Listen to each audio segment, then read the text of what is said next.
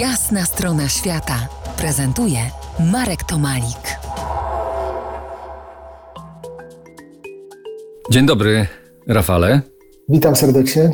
Po jasnej stronie świata Rafał Sarnecki, muzyczny obywatel Polski i Stanów Zjednoczonych Ameryki z 13-letnim stażem na nowojorskiej scenie jazzowej. Rafał gra na gitarze, pod swoim nazwiskiem prowadzi kwintet, udzielając się jednocześnie w innych jazzowych projektach. Jest także muzycznym pedagogiem. Chętnie bym Cię wyspowiadał muzycznie, ale to program o podróżach. Cóż więc jazz ma wspólnego z podróżami? Zaskakująco wiele, bo to podróż sama w sobie, nawet z najdalszych zakątków świata. Podobno Ornette Coleman improwizował w duchu tzw. Tak trąby wszechświata, a Coltrane to już niemal czysta muzyka kosmiczna. Intel, Stellar Space czy Stellar Regions to tytuły kompozycji, które mówią za siebie. Piszę o tym w mojej książce Dziewięć ognisk. Słyszałeś o tym? Wiem oczywiście o Interstellar Space.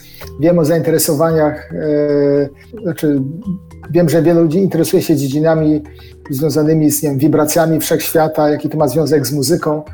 Ale my dziś z tych wielkich kosmicznych przestworzy spadniemy na Ziemię, spróbujemy sportretować Nowy Jork. E, to znaczy, ty nam go sportretujesz, bo mnie tam nigdy nie było.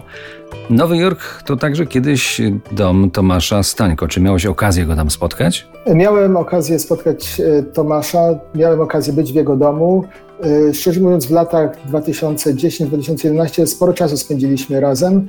To był okres, kiedy Tomasz Stańko budował swój nowojorski zespół.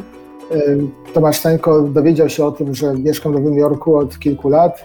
Chciał się dowiedzieć, którzy muzycy są popularni, którzy, kto z kim gra, kto kogo lubi, kto jak się zachowuje, więc dość dużo czasu spędziliśmy chodząc razem na koncerty, obserwując muzyków i dzieliłem się oczywiście swoją wiedzą z, z panem Tomaszem, jak tylko mogłem.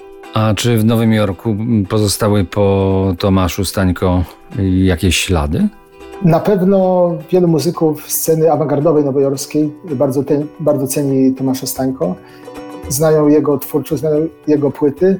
Myślę, że pan Tomasz Stańko był takim symbolem muzyka, który nie był typowym trębaczem nowojorskim ze wszystkimi takimi e, super umiejętnościami e, praktycznymi, a jednocześnie tworzył niesamowicie wartościową sztukę. Więc dla wielu muzyków, właśnie myślących bardziej otwarcie, był takim symbolem prawdziwego artysty i kogoś, kto troszkę wyrywa się z szablonów nowojorskich. No to jeżeli w pamięci został, to chyba to jest najważniejsze, przynajmniej przez jakiś czas.